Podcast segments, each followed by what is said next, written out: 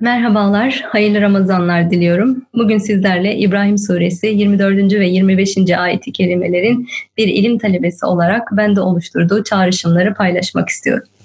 Bildiğiniz gibi İbrahim Suresi 24. ayeti kerimede Allah Teala güzel sözü kökleri derinlerde, dalları göklerde güzel bir ağaca benzetir. Ee, köklerin derinlerde olması e, ağacın doğru kendi yetişebilmesi için doğru muhitte sağlam zeminde olduğu anlamına gelirken bir taraftan da kendisi için gerekli olan sağlıklı kaynaklara da ulaşabildiği anlamına gelir. İlim tedris usulü açısından bu ayeti kerimeye baktığımızda bazı temel ilkeleri bize gösterdiğini görüyoruz. Birinci temel ilkemiz muhitin seçilmesi. Yani ilim talep ilim talebesinin meşgul olduğu ilim için doğru ortamı ve doğru yol arkadaşlığını bulması, oluşturması ve geliştirmesi.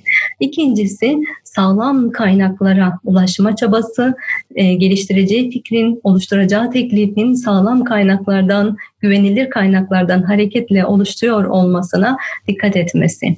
Doğru muhit ve sağlam kaynaklara yaslanma, e, ilim talebesinin ilim yolculuğunda motivasyon kaybetmesine ve sağa sola savrulmasına engel olacaktır.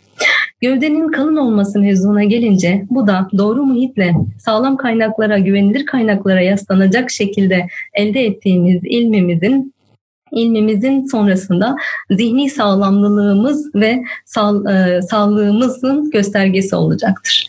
Ağaçta, e, ağacın yapraklarının göklere doğru yükselmesi mevzuna gelince bu da e, hem doğru muhitte hem de sağlam ve güvenilir kaynaklardan hareketle tedris ettiğimiz ilmimiz sonrasında ortaya koyduğumuz teklifimizin cazip, sağlıklı ve güvenilir olacağı anlamına gelir.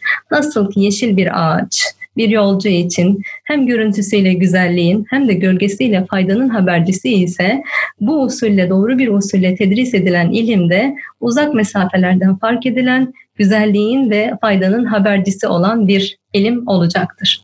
Son olarak Allah Teala böyle bir ağacın meyvesinin e, veril meyvesinin verilmesinin kendisi üzerine olduğunu, bu işi kendi üzerine aldığını söylüyor. Yani ki e, doğru bir muhitte neşet eden, sağlam, güvenilir kaynaklara yaslanan, insanlığın faydasını hedefleyen bir ilim farklı platformlarda müktesebat oluşturmasında, faydasının artıp çoğalmasında Allah Teala'nın bizzat e, vaadiyle karşı karşıyadır. Yani bu şekilde tedris edilen böyle bir ilim sahibini kıyamete kadar hayırla anılmayı temin edecektir.